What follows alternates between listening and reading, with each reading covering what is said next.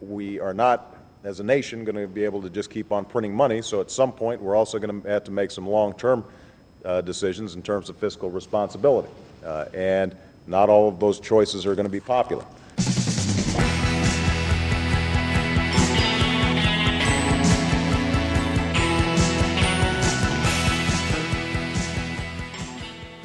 Hello and welcome to the Planet Money Podcast. I'm Adam Davidson. It's Tuesday, December 2nd at 4:48 p.m. here in New York. And today we're going to be kicking off our new theme of the week or theme for the next few days, it, which is what is a job and where do jobs come from and, and where do they go? Obviously, an extension of our theme last week. What is money? Where did it come from? Where did it go? And today we're actually starting with something that is personally very relevant. It is a conversation with my cousin DJ. Really, my cousin. Um, but first, let's do a Planet Money indicator. We got a few emails from listeners saying, hey, what happened to the TED spread? You guys used to always talk about the TED spread, and you really haven't talked about it lately. Um, and uh, just a quick reminder the TED spread is a way that you can measure sort of the global anxiety level. Uh, if, if, the U.S. government wants to borrow money. It issues treasury bonds or treasury bills. And generally, the U.S. government is seen, seen as the safest investment in the world. So they don't have to pay a lot if they're going to borrow money from someone. They don't have to pay a lot of interest. Banks are historically seen as sort of the second safest thing. So usually they don't pay very much more than the U.S. government does. But over the last few months, as the confidence in banks has collapsed, so the TED spread has gone way up because uh, people with money, and I'm talking about millions or even billions of dollars to invest, are saying to banks, hey, you got to pay a lot of money for me to lend you my money because I don't trust you. I'm sending my money to the U.S. government. So the TED spread sort of measures that distance. Historically, it's been around 0.2, 0.5, something like that, very low numbers. It, it, it's around 2.16 right now. It was up very close to 5, 5%. That's unbelievable. I think if you asked anyone in the financial system, would it ever reach 5%? If you asked them that two years ago, they would have said, no, there's no way it would. But it did and it's been going down. So we should be happy that it's going down but it's kind of stopped a few weeks ago and has just bounced around the 2% level and, and really that's way higher than we want to see it. So today's indicator is the TED spread. But getting to our story of the day, uh, so my cousin Dean Largess Jr., we call him DJ, uh, lives where much of my family lives in around Worcester, Massachusetts, central Massachusetts. And for years, as I have been reporting about the global economy, I always think about DJ because um, I keep learning that that education and and is so important if you want to stay competitive in this economy. And DJ, my cousin, dropped out of college, and I get really mad at him and say, DJ, you got to go to college. You got to get an education. The global economy is coming your way. Um, DJ, you know, he's a great kid, never listens to me. So I thought maybe he would listen to my friend Pietra Rivoli. She's a professor of finance and international business at the McDonough School of Business at Georgetown University. And as you'll see, as this conversation gets going, it was actually me who learned the most, and DJ who turned out to be more right than I was. DJ, let's start with you. What are you, 25? yeah, getting up there. Yeah. You graduated high school and then you went to Quinsigamond Community College right there in Worcester, right? That's right. And what happened then? Um, I went for about two weeks and decided it was time to tell my father that I never wanted to go in the first place and I don't want to be here now, so I'm going to have to drop out. Now, you told me that you actually wished you had dropped out earlier in your life? Yeah, but um, the high school experience I wouldn't want to take away from that. But if I had more time to work and make money then, I would have rather rather have done that. You mean not gone to high school and made money from 14 or 15? Yeah, but still, the high school experience was definitely worth it. But because you were a big football star and all the girls loved you. Yeah, yeah, that's that's part of it. yeah. Why? What do you think your life is going to be like as a guy with a high school degree but no advanced education? I'm going to work a hands-on construction job for the rest of my life and have sore body parts every day. Uh, what are you doing now? Um, I work for Henkels and McCoy. We do uh, telecommunications. It's pretty much a outside construction. And now, before that, you you were a bodyguard or a bouncer at a strip club. Yeah, yeah. We don't have to go into details, but yes, I did a little of that. What was it? Crazy Girls? What's the name? no, Centerfolds. Centerfolds, right? Um, and so, and what do you think? Like when you look at our uncles, for example, um, they didn't go to college, and they've done pretty well, right? Kenny's a truck driver, and uh, Phil is a connoisseur. A connoisseur. if you know him, that would be really funny. That's very funny. and then when you look at our, I mean, I'm just saying, from where you're sitting, if you looked around uh, our family, at our Yeah. grandfather, Pepe. Um, he didn't go to college. He had a good life. He owned his own house. He had a car. He had a vacation home, or at least a vacation uh, Trailer. trailer. Yeah. Um, and he was a truck dispatcher, you know. Um, but here's what I want to say to you I think that you don't understand that the world has changed from the world that our uncles and grandparents lived in, and that your future will be much worse if you don't go to college. And I want Pietra to tell me if I'm right. You know, Adam, I'm not sure you are. After I've listened to to DJ and hear a little bit about all he's done in his um, 25 years, a lot of people historically who didn't go to college uh, worked in kind of uh, low skill manufacturing jobs. And in the global economy today, those are exactly the jobs that have disappeared, or some people say moved to China and Mexico and, and so forth. So if you worked in one of those old textile factories in Massachusetts, um, and the textile and the textile factory closed, then you're you're kind of out of luck without it without a college degree. But if you listen to to DJ's history, uh, let's see, the he was a bouncer at a strip club. Um, he's putting up telecom equipment. Um, he works on uh, construction sites. You know, these are all careers or jobs that you know we would say are uh, the, well the technical term would be they're non-tradable. So in other words, um, that bouncer job is not moving to China, uh, and in fact the strippers inside their job's not moving to China either.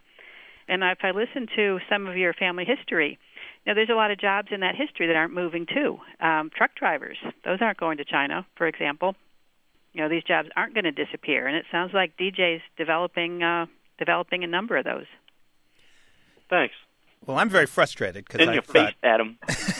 I thought that Pietra and I would beat up on DJ. now the two of you are siding up against me. All right. But let, let, what, let me ask there's a couple thoughts I have. You can't see DJ, but he's a tall, strong guy. Okay, Um, while, I hear it in his voice. yeah, I mean, when we were kids, I was able to beat him up, but now I try and avoid that. um, and 20 years ago, 50 years ago, there would have been a lot of jobs for big, strong guys. Now there are fewer. So the big, strong guys who are competing with DJ, who might have gone into, say, a textile plant or an auto plant or a machine tools plant, um, they're now competing for the ditch digging jobs and the stripper jobs, right? So DJ might make less money. I think that's probably a you know a fair prediction as well. But you know you have to say I have to ask DJ. You know I bet he has more to offer the global economy than just his big strong body, right? I mean, so yeah, I have all, a brain. He, all all big hunky guys are not alike, and somebody on that construction site that DJ's working is going to work their way up to supervisor and foreman and, and so forth and so on, uh, and and some will not, right? And you know that's going to be a function of you know what the big strong guys have have going for them besides their uh, big strong body. Yeah, I do have more to offer. I can do landscaping. I can do electrical work. Um, what else? Woodwork. I can do cabinets. Uh, And you're a really good people person. Yeah. Like I feel like I could see you as a leader. I'm a social butterfly. yeah. These are great skills in you know in any economy. Yeah, the biggest Yeah. thing is being able to r- present yourself and represent yourself in front of anyone. Yeah. You can get any job as long as you have the good background and people like you and you know people. The biggest thing is knowing people though. And you, I mean, that's one thing is our family in that part of central Massachusetts, our family knows everybody. Yeah, so that has helped me a great deal. Yeah. Now, Pietra is part of it that DJ is in central Massachusetts that had its hollowing out of manufacturing 50 years ago. If he was in Detroit today, he might be in much worse shape. Is that right? Uh, sure. The the guys I worry about actually are not not are not people who sound like DJ. The the guys I worry about are the guys who, you know, have worked in that same plant, uh, doing more or less the same job in the auto factory for 30 years, and now the plant closes, and now what have they got? Um, that I think is a you know is a is is a bigger challenge. You know, a lot of people who grew up in DJ's uh, generation, you know, they're computer literate, right? Uh, yeah. That's a huge thing. That's a huge thing. You know that the 50-year-old worker at the auto plant may not have. Um, so if you say, okay, I can I can write a c- clear sentence, I can operate a computer, so forth and so on, you you have right there a whole lot more opportunities than the the 50-year-old guy in Detroit. They're much more at risk in this global economy than the younger folks. I mean, when we talk about when you hear that phrase, a skilled worker or a skilled workforce, your mind might run to people with law degrees or doctors, but it sounds like what you're saying is DJ counts as a skilled worker. You know, do you know how hard it is? You know how many lawyers within, you know, probably two miles of my house? I don't know how many people I have. Um, I got thousands of lawyers, and I don't think I have a single person that I'd trust the ri- wiring in my house to. you know, um, so it does. The one that, that jumped out at me was when he said uh, that he could do electricity. I thought, okay, um, maybe I can call him later. You know. but I am colorblind, so that does uh, oh, that was a problem. You up. Okay, but you'd still col- be colorblind if you had gone to college. Yeah. Oh, yeah. That can't change. You can't learn colors. yeah. Uh, you know, it's kind of interesting. You know, that you know, in my generation, the guys, um, you know, who who say dropped out of high school, I think by the time they were 25, you know, they had a lot fewer experiences than you've already had. So it was traditional, for example, in Pittsburgh, to drop out of high school and go right into the steel mill. It was traditional in North Carolina to drop out of high school and go right into the textile mill, and you'd kind of stay. They kind of stay there. Um, but it sounds to me like you've done a variety of things. Yeah, because too much of one thing is not good at all. So even though maybe this wasn't your intent, you know, you are diversifying your your skills yeah. in a way that I don't think was as common in in the the older days. So this is um I got to say this is a pretty intense conversation for me because I'm I feel like I am through Pietra's eyes, I guess, learning to see the many, many skills and abilities that DJ has. You know, I grew up in Manhattan. I did go to college. I've been a bookish guy, and I am a reporter. I'm not, you know, I've not earned any money with my physical body. And I guess, you know, frankly, like a lot of people, I, I look down on manual labor. So, can you do it, Adam? Certainly not. well, no. here you go. I mean, so if um, so, the guys that were just trying to patch our our phone together, you know, could you have done that? No. I mean, I couldn't have. Um, so I don't know. I mean, I think we all need each other, right? Yeah. Yeah. Uh, what do we learn about?